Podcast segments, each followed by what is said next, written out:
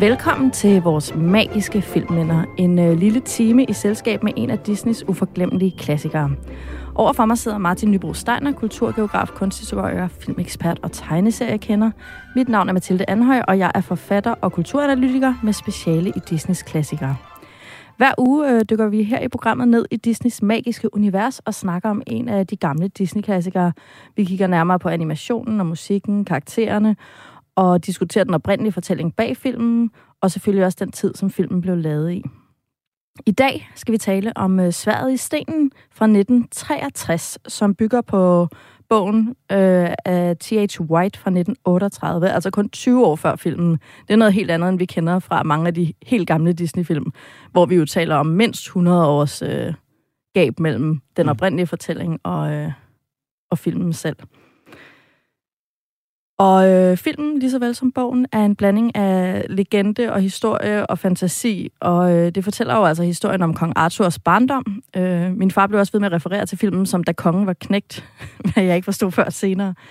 Øh, men det er der altså en grund til. Det er fordi, det er første bind i hvor mange bøger, Martin? Jeg mener, det er en, det er en tetralogi. Altså, der er fire bind, øh, som følger Merlin okay. helt fra, fra barn til, til han står, ligger nærmest på dødslaget. Ja, for det er jo forhistorien til ridderne om det runde bord, øhm, som vi jo også kender.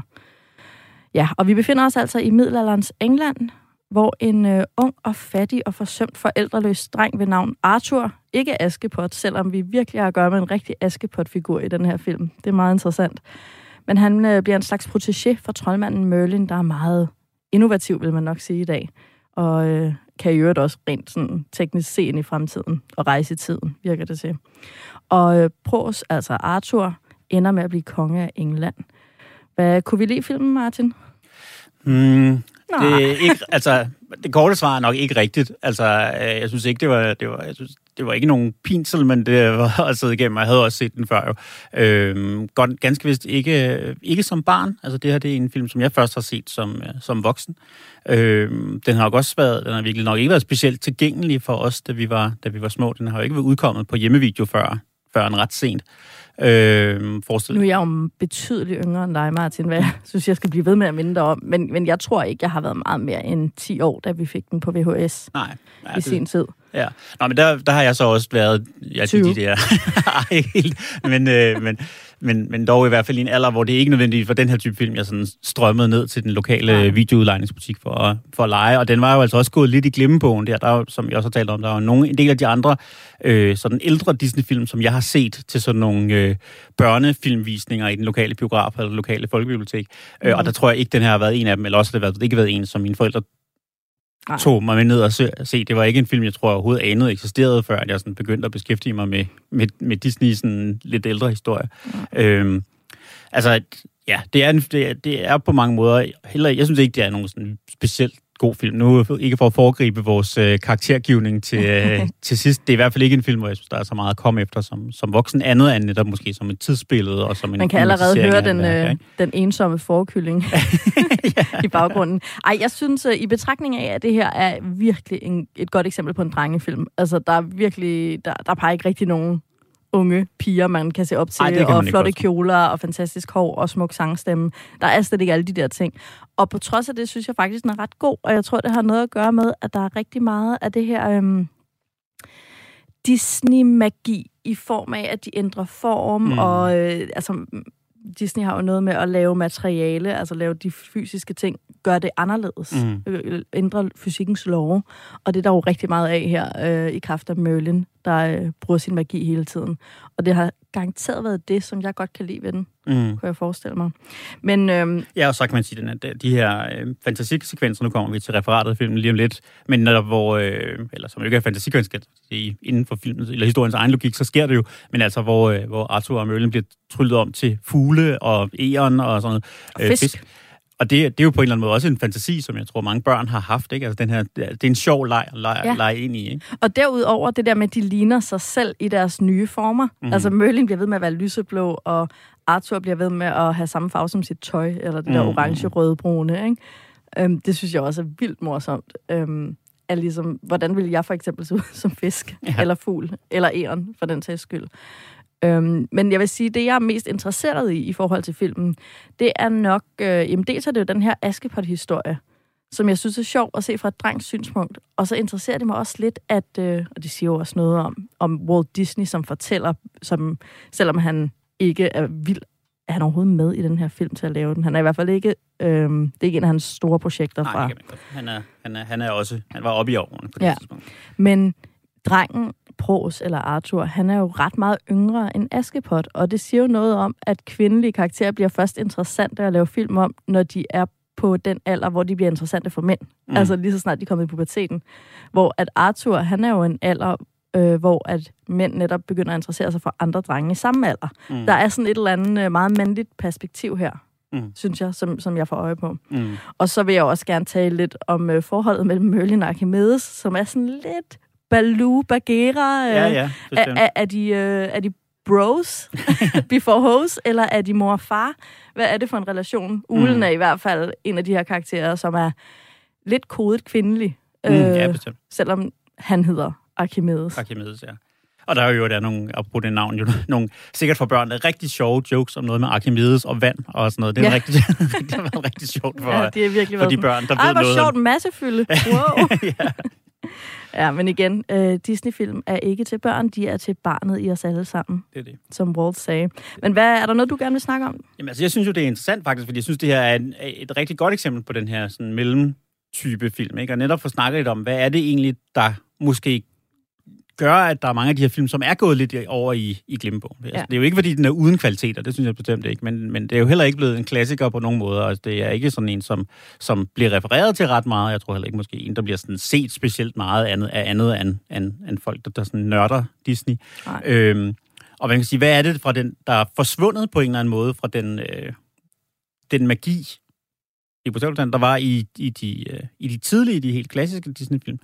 Og, og hvad er det, der ikke er opstået nu i forhold til den der professionalisme, der kommer senere, hvor, hvor alting simpelthen kører som et urværk, og der netop er, der virkelig er tænkt Ja. over, her er en, der skal være en person, som alle kan spejle sig i, der skal være historien skal være struktureret på en helt bestemt måde. Ja, der skal hvis- være en sang, som lyder sådan her på det her tidspunkt. Lige Og, præcis, og dramaturgien ligger helt fast og sådan noget. Ikke? Altså, hvad, hvad, hvad er det, der ligesom gør, at den her, den, den føles så meget som sådan et mellemspil, ikke? ja, jeg kan jo starte med lige at sige, øh, nu sad jeg og kiggede på, om ah, skal vi høre nogle sange, og hvad for nogle sange. Det er altid utrolig svært for mig Mm. at vælge, hvad for nogle sange vi skal høre, fordi jeg skal jo vælge nogen fra, og jeg elsker nærmest alt Disney-musik, der er blevet lavet.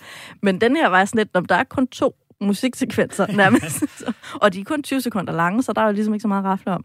Ja, Så det er jo en af man har- tingene. Og man kan måske også, altså, det er jo, måske er det også prisværdigt, men det er måske også lidt problematisk. Man har også valgt ligesom at lægge, øh, lægge de sange, der så er i, i, øh, i munden på, på to sådan tusse gamle karakterer, og, og også i hvert fald i den danske udgave, voicet af nogle skuespillere, som var ret gamle på det her tidspunkt, Ja. Helge Karl Schmidt og, og Margrethe Viby, ja. og, og som jo godt kunne synge, især Margrethe Viby kunne jo, kunne jo rigtig godt, men altså, der er heller ikke nogen power bag den her, altså, der, det er ikke, det her, det er ikke ligesom i de nye, hvor man, det her, det er ikke længselsangene, hvor vi har en eller anden stor musicalstjerne inden og, og virkelig give power bag sangene. Vel? Nej, det er jo ikke det, man står og synger i badet. Nej, det er det virkelig. Altid drejer jorden rundt med sådan, netop sådan en, øh, en tusse gammel øh, mumle, mumlesang. Lige. Øh, noget helt andet, øh, som jeg lige kom til at tænke på. Øh, nu nævnte du den, de to tusse gamle karakterer, der har sangen. Den anden er jo Madame Mim, som jo er en karakter, der er gået over i Anneby-universet Ja, ja. og er en supergrineren heks. Mm, Og et godt komisk modstykke til, øh, altså i Anneby-universet til Hexia det Tricks. lige præcis, ja. Øhm, ret sjov, også her i filmen, synes jeg faktisk. Mm, Og hun er ikke så spændende, fordi hun er ikke høj og smuk og magtfuld. Hun er meget fjollet. Mm. Og det er jo det, der er med de her mellemfilm, at både skurke og helte er fjollede. Men øhm, det fede er jo, at de her to tusse gamle, Merlin og Madame Mim, det er jo de to karakterer, der har det der face-off. Mm. Det er jo ikke filmens held. Det er måske også et af problemerne. Ja, altså det, og det er jo netop det her med, at filmen jo i virkeligheden handler netop øh, om, en, at vores hovedperson bliver guidet frem til et punkt, som så først er der, hvor, hvor hans modningsproces, som sådan for alvor skal gå i gang, da han ligesom bliver sat på den her trone, som man Ja. ikke vidste, at han, lige, at han ledte efter, ikke? Ja. Øh, så altså, Arthur er sådan set en meget udmærket børneperson, men er jo ikke nogen særlig aktiv karakter. Eller, det er, altså, han, Nej, det er han ikke. Han er en lærling, ikke? Ja. Og, og Merlin er den spændende karakter, og Merlin er jo så også ham, der har overlevet filmen, ikke? mm, Det er ham, vi kender og sådan kan referere til på en eller anden måde. Mm. Den her troldmand. Mm. Øh, men det sjove er, i den her magiske duel, som er The Face-Off, som vi også kender fra Aladdin og Jafar og sådan noget, Men det er, at øh, det er jo Merlin, der vinder den, den magiske duel. De forvandler sig til forskellige dyr ja, løbende. Netop. Jeg ved ikke, om du lagde mærke til temaet i Merlins dyr og Madame Mims dyr. Øh, nej, det tror jeg ikke, jeg Madame Mim, hun er, hun er altid... De, altså, de starter med nogle... Jeg tror, det er reptiler, og så går de over til pattedyr. Men hun er altid rovdyret. Mm. Og han er, Merlin er altid noget lidt mindre, men lidt smartere. Ja. Det er meget den der med haren og skildpadden, ikke? Mm, Slow mm. and steady wins the race. Men i slutningen af den magiske duel, der min bryder alle regler igennem den her, den her duel. Hun forvandler sig til en, en drage, og en af reglerne er, at man må ikke forsvinde. Og så tror øh, Madame Mim pludselig, at Merlin er forsvundet, og det er han ikke. Han mm. har forvandlet sig til det absolut mest magtfulde i hele verden bakterie, en sjælden sygdom. Man kalder mig røde hunde. Og de har fået mig, men... Hvad? Først får de pletter over det hele. Så får de feberanfald og kuldegøsninger. og en voldsom nysen. Altså, den var ikke gået i dag med corona. Ej, det... Og lave corona til helten i filmen. Ej, nu giver vi dig en virus, så du kan blive syg. er det ikke frygteligt? Ej, det synes jeg var ret sjovt at sidde og se, at det ligesom er Merlins trick. Det er, jeg vil lige vil kalde det biologisk warfare. Mm. Hvad hedder det? Krigsførsel. Um, det synes jeg var meget fedt. Ja, ja, ja. Men, øhm, jeg tror, hvis vi lige skal sætte den her film ind i sådan en historisk kontekst, ja. øh, inden vi går videre går til, øh, til referatet som det næste, så tror jeg, det er vigtigt at sige, at den her udkommer, som du sagde der, i starten af 60'erne. Og, øh, og de her, altså både sådan fantasy-genren i det hele taget, og ikke mindst de her Arthur-legender, er sådan lidt op i tiden, kan man sige, på det her tidspunkt. I 60'erne? Ja, altså på den måde lægger man sig... Øh, øh, altså lægger man sig ligesom i slipstrøm af noget, der allerede er, er populært. Så det skulle man jo sådan se tro. Det lykkedes jo så ikke, men man skulle tro, at det var en meget fornuftig strategi. Øh, du sagde den helt rigtigt, at den første, den her, den bog, som, øh, som filmen er baseret på, udkom i 38, men, øh, men den sidste bind i den her tetralogi udkommer faktisk først i 58. Så det vil sige, det er jo en ny bog på den her tidspunkt. Det er fem år inden, ja. Og, og jo lige inden produktionen er gået i gang. Produktionen tog en 3-4 år at lave, ikke? Ja. Øh, og var virkelig, altså var, var en kæmpe sådan kritisk succes, altså blev ligesom betragtet som øh, et hovedværk inden for sådan den fantastiske litteratur, og måske sådan aftageren fra Ringens Herre og sådan noget. Altså det var virkelig noget, der var, det var en, en bestseller ud over alle grænser, den her. Øh, den hedder jo øh, The Once and Future King, den her, øh, ja. den her øh, bogserie. Øh, så det, det var meget populært, men netop også Tolkien var ved at blive genopdaget, og hele den her fantasy, altså de her øh, de vil jo senere så blive virkelig blevet grebet af, af hippierne lidt senere i 60'erne, men allerede beatnikkerne i, her i slutningen af 50'erne og starten af 60'erne var, var optaget af det her med, med det fantastiske og det, det sådan protopsykedeliske og sådan noget. I, Hvad for noget, sagde du? Altså det er sådan tid, ikke rigtig psykedeliske, men med, ah, ja. men, men med elementer Det er det, jeg bare kalder Disney-magi, ikke? Ja, netop, netop ikke? Altså, som, så, så, så man har helt sikkert grebet noget. Til gengæld så var det jo så også en periode, hvor Disney som selskab ikke havde så stor succes med sine, øh, med sine spillefilmslængde. Det gik sådan set meget godt for businessen i det hele taget, men det var alt muligt andet end, ja. end øh, de animerede spillefilm, der gav, der gav penge til, der gav penge i kassen. Øh, og jeg ved, at det var en diskussion, man havde på det her tidspunkt. Altså Walls lillebror, som jo var vicedirektør, mente jo, at man måske burde droppe og lave animerede øh, spillefilm. Og det, øh, det, det blev han så talt fra, men blev så talt ned til at sige, at man, at man gik over til, at man kun havde ét studie, hvilket vil sige, at man kunne kun lave én film ad gangen. Øh, og, og, så, og man var nødt til at vente til produktionen på en var færdig, inden man kunne gå i gang med det næste. Og det ville jo, betød jo i praksis, at man kun kunne udgive en film hver anden, tredje, fjerde år. Ja. Ikke? Øh, og, det, og det er der så også en periode her i 60'erne, hvor der faktisk går ret lang tid imellem nogle af Det forklarer måske også, hvorfor både ulen og dragen i Sverige stenen er dem fra Tone Rose. Ja, ja netop. altså en til en er fuldstændig det samme. Fuldstændig. Ikke? Det er ret sjovt. Øhm, så, så, og det, det hjalp den her film jo ikke af, men det var jo heller ikke nogen kommersiel succes, kan man sige. Der, skulle, der, der kom jo nogle kommersielle succeser her i løbet af 60'erne, men, men det var, den her var ikke en af dem. Nej. Og øhm, nu er Walt Disney, han var jo stadigvæk han er jo lidt på det her tidspunkt lidt mere en konsulentrolle, end han er skibsføreren. Men øh, Merlin-karakteren er jo inspireret af Walt Disney. Både selvfølgelig den åbenlyse, den her troldmand, altså Walt Disney var en wizard til at finde på de her ting. Men øh, det var jo typisk for tegnerne hos Walt Disney at øh, tage nogle helt konkrete kropsdele fra Walt Disney og føre dem over. Blandt andet er det også derfor, at seks ud af syv dværge i uh, Snevide og de syv dværge har Walt Disneys øjenbryn. Mm. Altså helt identiske øjenbryn taget efter Walt Disney. Merlin har også noget helt konkret. Øh, jeg ved ikke, om du øh, umiddelbart lige kan gætte det. Men øh, lad os vente med det. Og så kan jeg afsløre det, efter vi lige har overladt ordet for en kort bemærkning til Merlin. Og nu sagde jeg ordet, jeg skulle have sagt trylleordet til Merlin selv. Hyggetus, hyggetus, sampler kan. Hør efter hver ting her rundt omkring. Vi pakker, for nu skal vi afsted. Nej, nej, ikke dig. Bøger kommer altid først, ved du da.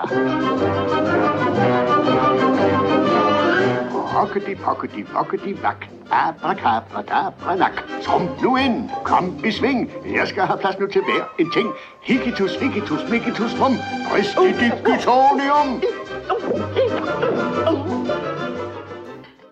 Ja, så er vi altså kommet i Merlin og Sværet i stenen stemning. Ja, og man kan sige nu, øh, altså, det her, den her sang, den vil jo så gerne være Bibbidi Bobbidi Boo, ikke? Og det er den bare ikke. Altså, det er, Og, det er og hvidt ikke hår nogen, og lyseblå kåbe kan ikke gøre det. det, er det. Altså, Altså, det, er jo, det er jo ikke, fordi det er nogen dårlig sang som sådan, men Nej, den den har bare hyggelig. ikke, den har ikke den der, det Nej. har ikke X-faktor, det har den altså. ej, den har ikke X-Factor. det er så rigtigt. Men øhm, Merlins øh, Walt Disney-inspirerede kopstil, har du et bud på det? Det er ikke hans hår. Det er ikke hans hår, kunne det være hans noget næse? Det er hans næse. Det er Merlin har simpelthen, så hold øje med det. Næste gang I tænker på Merlin, det er præcis øh, en præcis kopi af Walt Disneys næse, vi har her. Nå, men øh, videre til, øh, til, hvad vi har at tale om i den her film. Hvad har du, som du gerne vil ind på? Jo, men altså, jeg synes jo, at vi som sagt skal snakke lidt om, øh, om den her sådan lidt, øh, den her måde, historien er bygget op på. Og, Ja. og, og man kan også sige, jeg synes, altså i virkeligheden, det er lidt overraskende valg med at fortælle, øh, altså, fortælle en ikke særlig interessant historie om en meget interessant karakter, ikke? Altså, det er lidt Nå sådan, ja, Kong Arthur, ja. det er rigtigt. det er lidt sådan Star Wars prequels af, af Disney-film, ikke? Hvor vi sådan, ja, vi, og- det, Og det gav mening, for dem lavede man bagefter, jo. men, men Netop, den ikke? her var den første. Altså, jeg kan huske, altså, jeg havde glemt det, da jeg sad og så den som forberedelse til udsendelsen her. Jeg kan meget tydeligt huske det fra, øh, fra da jeg fra da jeg så den først, øh, for ikke særlig mange år siden. Nemlig den her sådan, altså, hvornår, hvornår kommer vi ligesom til sværet i stenen? ja, altså, hvor, hvornår, hvor er det runde bord. hvor er det runde bord, ikke? Hvor, altså, da vi måtte ud og skulle dræbe nogle drager eller noget på et tidspunkt, ikke? Ja. Og, det, og det gør vi jo ikke. Altså, filmen slutter simpelthen med, altså, øh, udover at blive introduceret helt, helt i starten, hvor vi får sat, sat sådan den mytologiske ramme omkring den her historie, Ja. historie og får introduceret sværet i stenen, så, så er, den, er sværet fuldstændig fraværende, indtil der er syv minutter tilbage, ikke? Og der har vi jo også den der, som vi også så i Pinocchio, den der meget episodeagtige opbygning, hvor vi, vi starter med at møde Prost, der løber rundt ude i skoven, og så møder han Merlin, som Mm. bliver lærermester, og så har vi sådan først fiskekapitlet, altså Mm. hvor de bliver forvandlet til fisk, så bliver de forvandlet til æren, så bliver de forvandlet til fugle, Mm. så tager de afsted til London. Altså det er meget afsnit og meget opdelt Mm. i virkeligheden. Og jo typisk også, hvad man jo heller ikke vil gøre i en film i dag, øh, altså med hver sin skurk i virkeligheden, ikke? Altså det Ja. ja. er sådan, øh, som heller ikke kommer igen. Altså der er ikke, der er ikke sådan... Ulven, han kommer Ulven. lidt igen. ja, ulven, som er der helt i starten og kommer, kommer kortvarigt tilbage, men der er jo heller ikke sådan en overordnet sådan antagonist, der er ikke sådan en, der prøver at forhindre Arthur i at nå frem til stenen. Og Jamen, det skulle jo så... være Kai, ikke? Altså, Ja. som, som er den...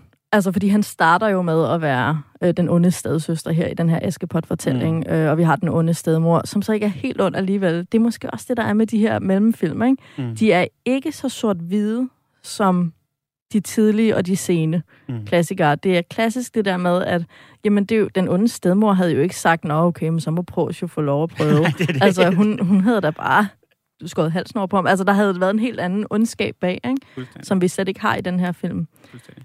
Det kan være, at vi lige skal huske også at få vores resume med her, fordi at, øh, nu begynder Ja. vi allerede at bruge navne som Pros og Kai og sådan Ja. noget. Og hvis jeg, min fornemmelse er rigtig, at det her det nok er en film, som der er mange af vores lyttere, som ikke har set sådan lige for nylig, så kan det godt være, at vi lige skal introducere lidt. Så, så vil du ikke lige... Øh... Jo, vi har Pros, som er kong Arthur bare som barn. Øh, Pros betyder jo et lys, øh, fandt jeg ud af. Det vidste jeg altså ikke.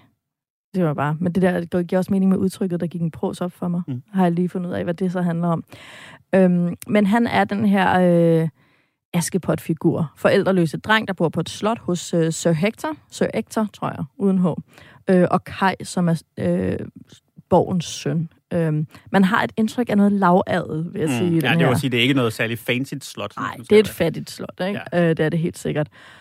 Øh, hans store drøm, altså Pros her, øh, hans store drøm er jo at øh, blive en fin tjener. Altså, det er sådan lidt ligesom det, der er hans øh, ambitioner. Ja.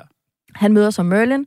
Merlin er selve symbolet på uddannelse. Han vil have, at Arthur skal uddannes, for han har set ud i fremtiden, at Arthur en dag skal blive noget rigtig stort. Han har jo ikke set, at han skal blive Englands konge, øh, så vidt jeg forstår i hvert fald. I hvert fald ikke i Disney-versionen.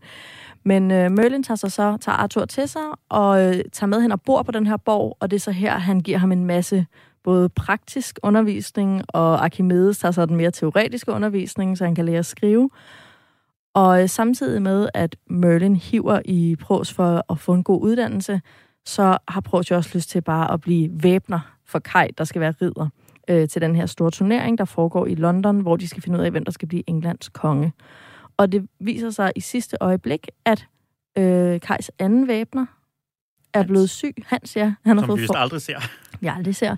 Han har fået forsyge, og øh, Pros bliver Kajs væbner, og er ellevild og tager med til London, og Merlin og Pros bliver uvenner. Fordi at Merlin kan slet ikke sætte sig ind i, hvorfor en 10-årig knægt synes, det er spændende, sådan noget med svær og heste. Virkelig upædagogisk, Merlin. Archimedes er lidt mere øh, afslappet og tager med Pros til London. Altså, det kan jeg måske godt lidt sætte mig ind i som lærer, vil jeg sige. Ikke? Der kan jeg da også nogle gange sidde og tænke, hvorfor er det, at de synes, det er mere spændende at tale om, hvad der skete i, uh, i X on the Beach i går, i stedet for at lære noget om skyformationer, ikke? Men uh, det, altså, sådan er, sådan er ungdommen nogle gange. Nej, sådan er mennesket. Der er der ikke nogen, der synes, skyformation er mere spændende end X on the Beach.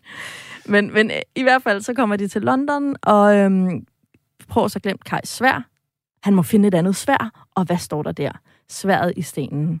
Og Prost trækker det op og bliver konge af England. Og går så lidt i panik og kalder på Merlin, der nu ser, hvad meningen var med det hele. Så han, han er måske en lidt snæversynet seer. Ja. Typisk. Ja, altså det er jo interessant. I bøgerne, der er han jo netop... Det, altså der er, det, der kendetegner Merlin, det er, at han lever omvendt i forhold til, til os andre. Så han bliver sådan set... Han lever bagud i historien. Øh, det er hans helt særlige menneske, så han, han, han bliver sådan set yngre og yngre igennem bøgerne. Øh, Benjamin Buttons uh, style. Ja, på en måde, Ja. ja. Øh, og det, gør også, det er jo så også det, der gør, at han, øh, at han netop kan se de her ting ud i fremtiden. Og i bøgerne er der, altså, der er det ene af de greb, der bliver brugt, det er, at han nogle gange sådan, er bevidst anachronistisk og laver referencer til, øh, til den industrielle revolution og til 2. verdenskrig og sådan Ja. noget, i, hvert fald altså især i de senere bøger, som er skrevet efter 2. verdenskrig. øhm, Ellers er det vildt. Ellers er det rigtig vildt. Men, øh, men fordi for ham er det sket. Men Ja. det gør jo så også, det er jo også det, der forklarer, og det ville måske i virkeligheden være meget godt at have det med i den her film, det er der forklarer, at han er sådan så underlig, Mm. fordi han oplever verden på en helt anden måde end, Ja. end os. Ja. Øh, han, hans, altså, hans fornemmelse for, for kronologi og årsags virkningssammenhæng og sådan noget er en anden end os, og derfor er det, altså han er nærmest, det er jo sådan, som, som den, den fjollede Gud på en eller anden måde. Ikke? Altså, der, der, hans magt er næsten uendelig, men han forstår ikke den verden, han har magt over. Ikke? Nej. Okay, men det er jo vildt abstrakt, det der, du sidder og udfolder, så det tror jeg er en, en rigtig god øh, idé, at Disney ikke prøver at inkorporere det i, øh, i, hvad der trods alt alt andet lige er en ret kort tegnefilm. Ja. Øhm, det tror jeg er meget godt. Det virker meget kompliceret. Jeg har ikke læst bøgerne, kan jeg afsløre, så øh, det er jo drengebøger, så det øh, har jeg jo holdt mig fra. Øhm, det, jeg har været mest vild med i den her film, øh, det er jo Eon-sekvensen, og det er ikke, fordi jeg synes, Pros er spændende som Eon, men der er jo de fedeste kvinde eller mm. Mm. pige med i den sekvens. Først møder Pros et, øhm, et øh, ret sødt Eon, som i øvrigt øh, produktionen bag synes, at hun var så god til at lave den der stemme, at den her Eon-sekvens faktisk blev forlænget. Og man kan godt mærke, at den bliver pludselig meget lang. Den er meget lang. Ja, og sådan sin egen lille... Øhm, sin egen lille film. Men der er det her... Ja, den har nærmest, altså, den har nærmest karakter af sådan en lille, altså noget, der godt kunne være udgivet for sig selv, ikke? Ja, ja altså, sådan den, en sekvens i Disney-showet, Ja, ja, så kom der lige en æren øh, film. Men det fede er jo, at det her er jo det mest præcise portræt af en pigeforelskelse. Mm. det her æren har, og det har vi jo ikke set før. Altså de her Disney-prinsesser, vi kender fra de tidlige film, de er jo altså sådan helt sådan forskrækket, sådan, åh nej, åh, og sådan, Mm. så bliver de lidt forelsket, man er lidt tilbageholdende, men det, det er jo, og det er jo ikke sandheden, det ved alle, der nogensinde har været forelsket, at man skal nærmest altså lægge bånd på sig selv, for ikke at rende hen. Altså det er jo kun socialiseringen, der gør, at vi holder os tilbage. Mm. Så det her hundæren er jo så, altså i hvert fald har jeg altid tænkt, virkelig nemt at leve sig ind i. Hun bliver bare ægte forelsket, og hun går direkte hen til ham og holder hans hænder og kysser ham. Mm. Og det er jo sådan, man også ser det i børnehaven og i børnehaveklassen, altså før man begynder at spille spil, Mm. Mm. som man gør i første klasse. ja. Men det synes jeg er helt Nå, fantastisk. efter udskyldtabet. Ja, præcis. Det store uskyldstab. Øhm, og samtidig har vi den her, øh, det voksne, modne hundeæren, som er topliderlig. Altså, så der har vi ikke... Det er jo en fin med en pigeforelskelse, forelskelse, hvor at pigen er aktiv. Det er det, der er problemet med alle Disney-prinsesserne mm. I starten af ja, 30'erne og 40'erne og 50'erne. Det har de aldrig foretaget sig noget for at opnå den her mand. Og det her hundeæren jagter ham bare rundt og redder ham fra ulven. Det er sådan en helt anden pigeportræt. Og så samtidig har vi den her modne kvinde, der stadigvæk er liderlig. Mm. Man holder ikke op med at have en seksuel drift, fordi man er... Ja, hvor gammel er hun? 45, 50 eller sådan noget? Ja, i- I, i menneskeår. I, ja, i jernår. Ja. Øhm, det synes jeg er ret sjovt. Der, det er lidt, der er lidt, en, lidt noget problematisk med det, for Disney har det med at gøre alle buttede eller tykke Mm. figurer fjollede og liderlige. Ja, i sådan lidt en, overseksualiseret, ikke? Ja, overseksualiseret og, og utiltalende for det Mm. andet køn i deres liderlighed, ja. Som det her Ian også har. Mm. Det sagt, hvis man bare lige kunne tage det fjollede væk og gøre hende lidt smukkere, altså lave et smukt, frodigt hundæren, mm. Mm. så var den her karakter altså...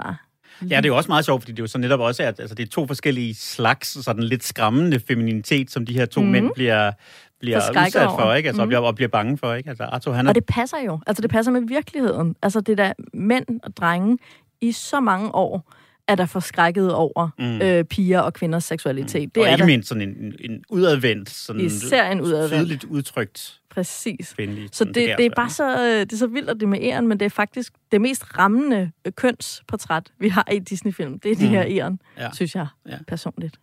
Jeg sad jo, da jeg så den her sekvens, og, jeg, øh, og sad og tænkte, øh, fordi jeg kunne ikke huske det fra deres test, øh, om, når man bliver de, altså, bliver de tryllet om til kvinder, i stedet for de her, sådan, virkelig, de også tryllet om til kvinder, så de ligesom kan være sådan love interest i resten af, i resten af filmen. Det synes jeg faktisk er rigtig godt, de ikke gør det. Ja. Altså, fordi det, det, Det er ikke tror jeg, pointen. det er ikke pointen, og det ville også have været mærkeligt. Altså, det ville have Ja. stillet nogle helt andre spørgsmål med, altså, kan man, kan man være forelsket i en kvinde, der var et æren indtil for 200 siden, ikke? Altså, Ja. det, ja, det er lidt mærkeligt. det er lidt sådan, der, det, det er sådan noget, der, der, der er den her øh, Born Sexy Yesterday-trope i filmen, ikke? Hvor, der er, hvor der altid er sådan nogle, øh, i rigtig mange film, sådan noget, en femte element og sådan noget, så er der sådan en kvinde, som, som er utrolig sexet, og sådan overhovedet ikke har nogen fornemmelse for verden, fordi hun i virkeligheden er et rumvæsen, eller en robot, eller Ja. en, et eller andet, ikke? Hun er et øh, produkt af den mandlige hjerne. Lige præcis, ikke? Hun er, ligesom, hun, er, hun er skabt som det her sådan, perfekte sådan, Ja. begærsobjekt, uden noget sådan, Ja. indre liv overhovedet. Sådan Platons idé, ikke? Det er sådan en ur,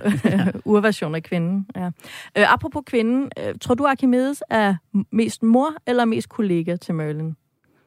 Altså ulen Archimedes. Mm. Altså, jeg tror, jeg lidt forestiller mig som sådan, altså, som sådan et oldekolde, at de sådan er flyttet ind sammen på deres gamle dage, og så går de sådan og småskændes lidt, men, Du sagde Ollekolde, det er fedt. Øh, og sådan ikke, Ja, det altså, kan ikke rigtig klare sig uden hinanden, nogle af dem, men er, Nej. er også, åh, det er også Jeg er så irriteret over hinanden, og Ja. bare sådan har det godt og trygt i den der gensidige irritation. Ja, det, der præcis. bare er, er, at Merlin er den, der får temperament. Det er jo da også noget, det Walt Disney var- havde inspireret til. Det er den der troldmand, der sådan lige pludselig bliver rasende og går, fordi det ikke er, som han vil have det. Men Archimedes er jo den her lidt mere øh, hands-on forældre, øhm, som også følger med ham til London og trøster ham. Og, og det er jo meget fedt det der med, at altså i forhold til, jeg har op, da jeg var lille, troede jeg, at Ulen var en pige, ikke? Mm. Jeg ved ikke, om jeg har overhørt alle han-pronomerne. Men øhm, det her med, at manden er den visionære, øh, store hjerne, og kvinden er den lidt mere sådan pedantiske, jeg kan lære dig at skrive bogstaver, Mm. øhm, og så kan jeg jo pylle lidt om dig og brokke mig over, at manden roder. Mm. Øh, der er sådan et eller andet meget typisk feminin maskulint i det der portræt mellem de to mandlige karakterer, Ulen ja. og Ja. Merlin. Ja, det er rigtigt. Nå, men ellers så øh, synes jeg jo også, det er lidt sjovt med hele det her kløgt versus råstyrke. Nu nævnte vi jo før, at Kai, øh, som er søn af den her ridderborg, øh, vi befinder os på, han er jo råstyrke. Han er et gigantisk brød af en mand ved siden Mm. af den her spirvipros, der har format sådan rent hjernemæssigt, øh, ifølge Merlin, ikke? Mm. Og der bliver ved med at blive gentaget den her...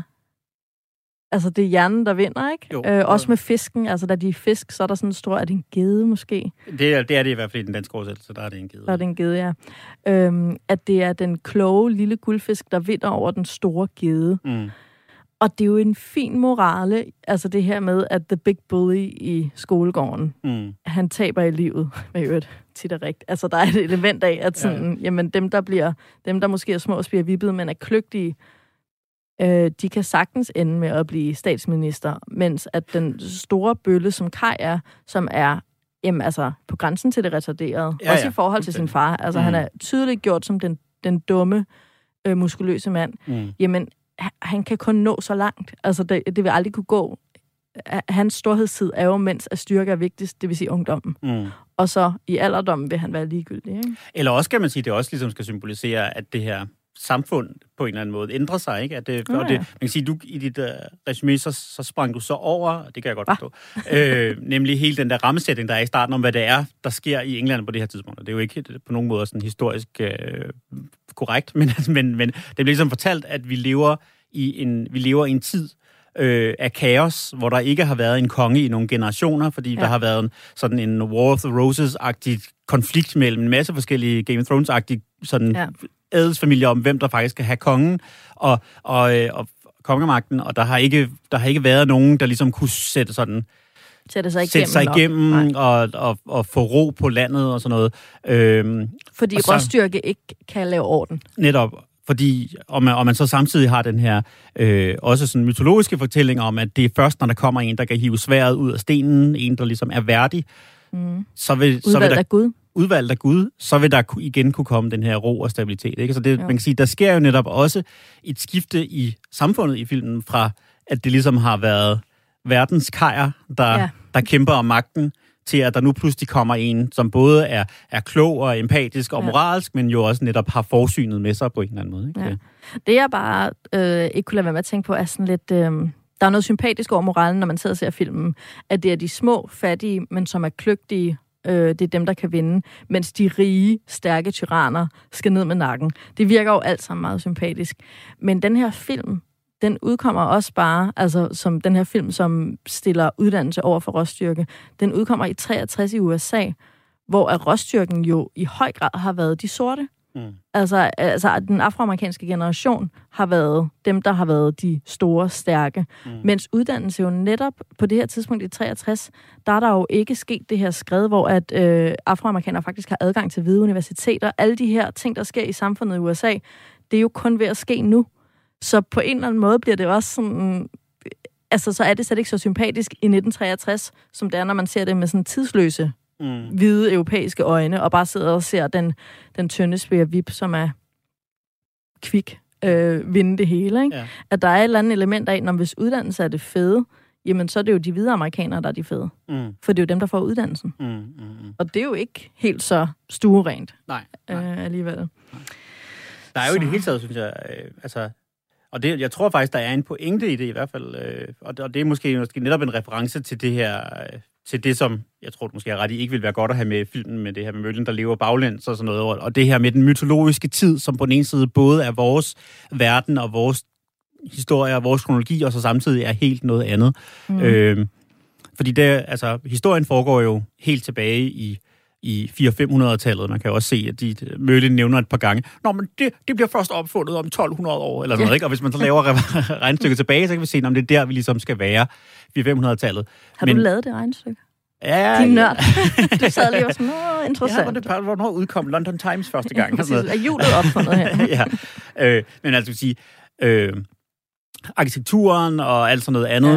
ja. er sat i sådan 1400-tallet, og, Ja. ja. og i hele taget den her, altså sådan, den der sen, senmiddelalder, ikke? Øh, øh, og, og som jo også er der, hvor den bog, som den her moderne bogserie er baseret på, udkom, nemlig udkom til 1483 eller sådan noget, ikke? Der udkom sådan den første romanificering af, af Arthur-legenden, som ligesom er den, der har sat rammen, hvor alle de her genfortællinger af Ja. de her historier siden da, ikke? Og den havde jo netop gjort det her, som jo var meget almindeligt på det her tidspunkt, at den netop satte historien i, i Sin en, egen sin tid. egen tid. Ja. Eller i hvert fald en, som, som, altså, hvor der ikke var taget nogen som helst hensyn til, at ting måske var anderledes, selvom den skulle have foregået for tusind år siden. Ikke? Ja. Øhm, og det, altså, det er nok ikke, det er jo ikke, fordi det er noget, der sådan skærer meget tydeligt i øjnene i den her, men der er alligevel det der, hvor man tænker, hvor, hvor lang tid er det egentlig, det er meningen, vi skal være tilbage, og hele den her sådan Ja, man får den der, hvor er vi? Og det hjælper Ja. heller ikke, at Merlin pludselig har Bermuda-shorts på og har været på Mallorca. netop.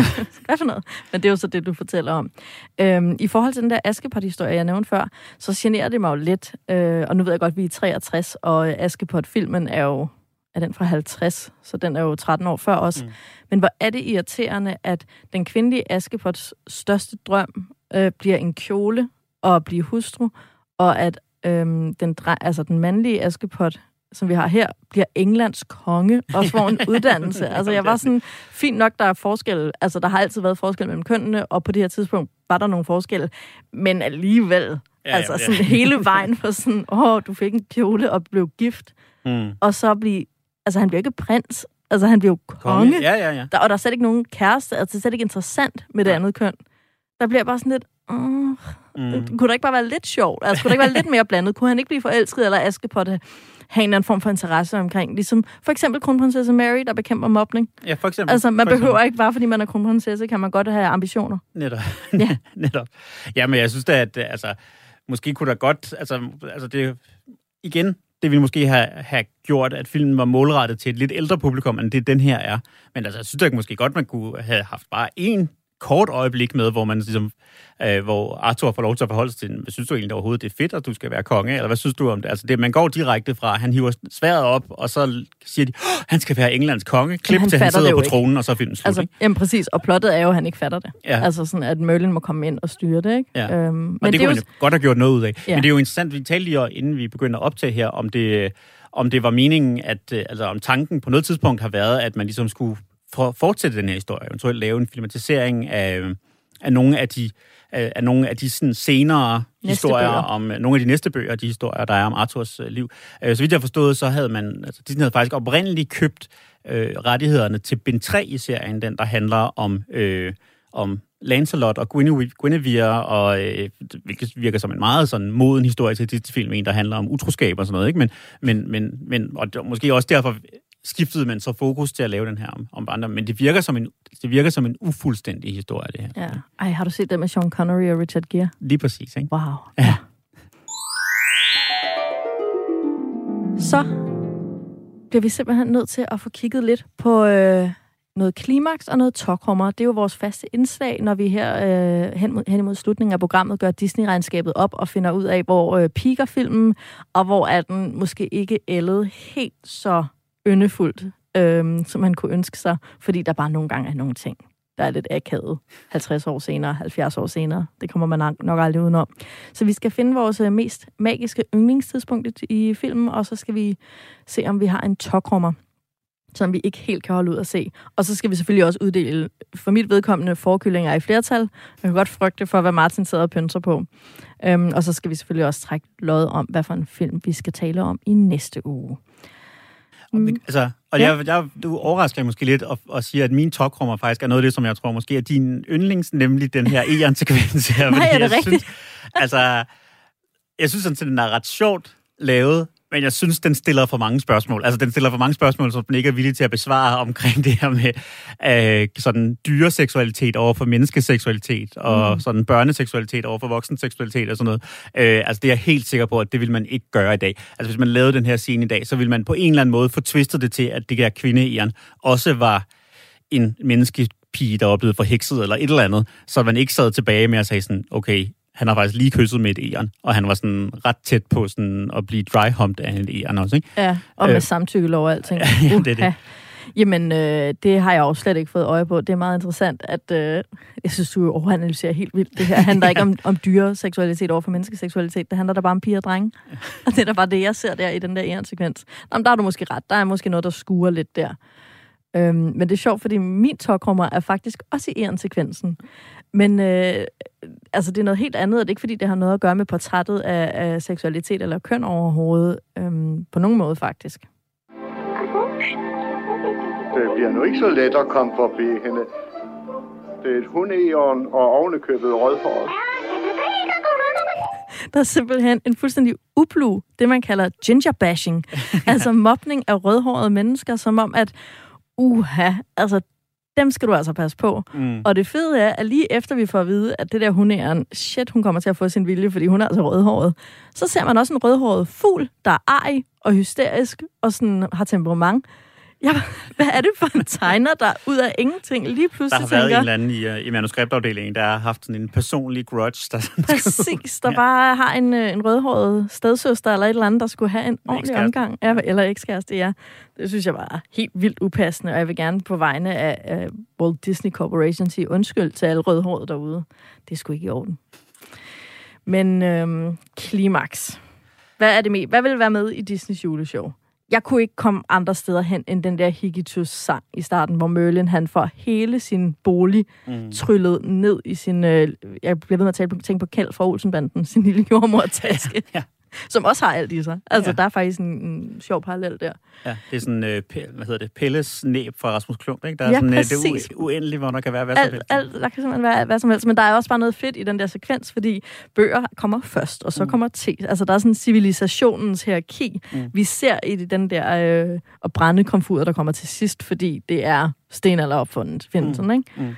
Det er jo meget sjovt, du lige nævner det, fordi det kommer, nu er, er tiden næsten gået, men, øh, men og det er ikke, fordi vi skal tale så meget om tegnestilen. Jeg er ikke så vild med den måde, de tegnet på i det hele taget, mange af de her mellem Nej, jeg kalder det Tornerose-stilen. Tornerose-stilen, der er også sådan lidt junglebog-stilen meget Ja. over den her måde, det, måde det tegner på. Jeg er, ikke så, jeg er ikke så vild med det. Og jeg synes i virkeligheden, der hvor den her tegnestil fungerer rigtig bedst, det var i nogle af de film, som Disney jo selv lavede, nogle af jer, som også andre Hollywood-studier lavede på det her tidspunkt, nemlig de her blandinger af realfilm og animationsfilm, altså i Mary Poppins, Ah, ja. og, øh, Mary Poppins og i Peter og Dragen og sådan noget. Der er nogle af de her, hvor jeg faktisk Broomsticks and bedknobs. for eksempel, ikke? Altså, hvor, hvor jeg...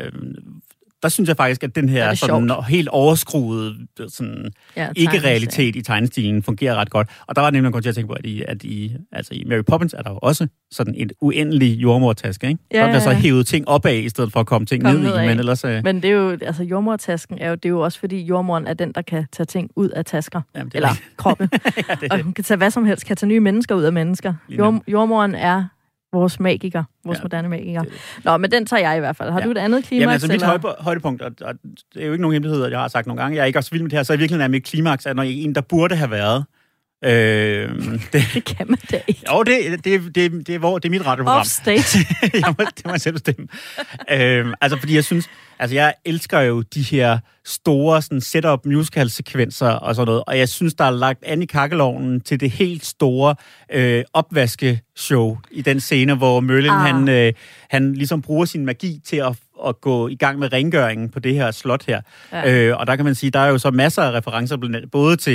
Øh, både til, til Snevide, og der er hele den vaskesekvens der, og i det hele taget, Mhm. der var meget, der var Vi fløjter og tager fat. fløjter at tage fat. Der var meget, man kunne, man, man kunne gøre rigtig sjov ud af, af Ja. det her. Der er jo også en reference, det tror jeg heller ikke er, er tilfældigt, til, til Hobbiten, som jo netop var, var, ret, var sådan kommet op i tiden igen på det her tidspunkt, der også er en stor sådan, musikalsk opvaskesekvens helt i starten. Men, øh, men, men her, den bliver ligesom skåret af, inden Ja. vi når at se noget som helst. Den var meget kort sekund. Ikke? Det lugter lidt af en idé, som den, der har fået ideen, rigtig gerne vil udfolde. Ja. Præcis som du beskriver det der. Man har fået at vide, sådan, du får 20 sekunder til din opvaskescene. It. præcis. Men der er sgu også noget, uh, undskyld jeg banner, noget magisk ved en opvask, der vasker sig selv. Og, Fuldstændig. og det er jo Disneys varemærke, det her med at bringe mm. orden i kaos. Altså at lave animation, hvor vi ser noget grimt blive smukt og ordnet. Og så er det jo en hyldest tilbage til Disney-historien, hvor man kan sige, at netop Troldmandens lærling, som det her jo er en, en anden Mhm. udgave af historien, er jo også en sekvens i, i Fantasia, som jo netop handler Som om... Martin elsker, kan jeg lige oplyse jer alle sammen om. ja. Ser dagligt. Øhm, hvor som netop handler om en, en rengøringssekvens, ikke? Hvor, hvor den her Ja. Mickey Mouse troldmandslærling netop bruger sin ikke færdigt udviklede magi til at, at Ja. hjælpe sig med sine rengøringspligter. Øhm, og det er en meget bedre scene end det her. Men den her, den havde potentiale til. Den kunne også godt være det, hvis den havde fået plads til at udfolde. Men ved du, hvad det også er? Det er også en kvindeundertrykkende scene. Fordi Snevide gør det selv, og Askepot gør det selv, og alle kvinderne gør selv rent. Og så er der en mandlig karakter, der skal tage en lille opvask, og så bliver det, Jeg bliver nødt til at bruge magi. Jeg bliver simpelthen så bliver det simpelthen ordnet af en, en, en anden mand. En magisk troldmand. det er bare sådan, ej, nu stopper det. Ja. Nå, Det havde kun sejt. været værre, hvis de havde på en eller anden måde havde tryllet sådan en eller anden, en, eller anden en kvinderobot frem til at gøre det for sig. Ikke? Sådan en, øh, ligesom øh, i øh, Jetsons øh, hjemme ved Rosie, eller hvad hun hedder, robot, der sådan er en husholdningsrobot. Ikke? Rosie? Ja. Ej, så det er sjovt. Nå, Ja. lad os øh, få givet nogle forkyllinger. Altså, jeg er blevet helt i tvivl, fordi nu har du været så kritisk over for filmen, at jeg tænker, ej, måske er den ikke så god alligevel. Men jeg bliver nødt til også at være, hvad hedder det, når man er, er sand imod sig selv, hedder det jo ikke på dansk, men jeg bliver nødt til også at forholde mig til, hvad min, mit ægte indtryk er, og jeg kan godt finde på at sætte sværet i stenen på. Jeg synes, der er så mange grinere scener, altså hvor jeg bare sidder og småfniser, mm. hvor at jeg gav Pinocchio to stjerner, fordi den har noget kunstnerisk flot og magisk. Mm. Men jeg vil altså altid hellere se sværet i stenen, så jeg har givet den tre forkyllinger. Mm. Så må du sige, hvad du vil. Ja, jamen det, det, det, altså det synes jeg sådan set er meget, øh, er meget rimeligt. Jeg lavede præcis det samme. Jeg sad også og kiggede på, hvad har vi egentlig set tidligere i forbindelse med den her, den her udsendelse, og hvad har jeg givet tidligere. Og der må jeg også sige, jeg ville meget hellere se Pinocchio end, end, end den her. Det, den var jeg jo som sagt som ret begejstret for. Men jeg ville meget hellere se denne her end Aristocats, for eksempel. Mm. Øh, det, jeg, Spændende. Jeg, øh, jeg tror ikke, at det her ville være en, der hæve, hæve ned fra, øh, fra hylden, men jeg tror imod, hvis, hvis øh, vores drenge derhjemme på et eller andet tidspunkt udpeger den på DVD-hylden, så vil jeg ikke aktivt sige, nej, den skal vi ikke se. øh, og sådan tror jeg, jeg vil have det med Aristocats. Så jeg ender faktisk også på tre. Okay, så vi har faktisk seks forkyllinger, og det betyder, at vi nu har en tredelt sidste plads mellem Pinocchio, som du elsker, Aristocats, som jeg elsker, og så Sværet i stenen, som måske har en moralsk sidste plads. I som ingen af os rigtig elsker. Ja, som ikke, er, som ikke er helt fantastisk. Jeg synes, at Aristocats er bedre end Sværet i stenen, selvom jeg også synes, den er meget sjov at se. Men øh, det sagt, så lad os øh, gå videre til vores lodtrækning, øh, hvor vi skal finde ud af, hvad, hvad i alverden vi skal se næste uge. Det er jo sådan, at den her film hører til mellemperioden. Så nu får vi jo, det er jo dejligt, nu får vi lov til at springe videre til øh, den, de sene film. Altså ja, Disneys renaissance. Er, er, er filmene fra, fra slutningen af 80'erne og frem til, til starten af 0'erne, øh, hvor der er, jo, der er jo nærmest kun gode ting i den her kop, ikke? så ja, det, det, det altså. kan simpelthen ikke gå galt. Jeg trækker noget her. Se, hvad vi skal snakke om næste gang. Ja, det er virkelig. Det er en dejlig ting, når vi skal trække de nye film. Folder ud. Og Klokkeren fra Notre Dame. Den er god.